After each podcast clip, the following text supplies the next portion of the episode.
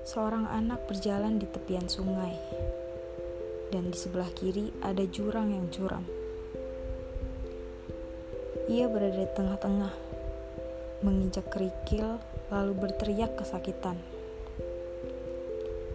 Waktu terus berjalan, ia pun tumbuh dewasa, membisiki telingaku dan berbicara pelan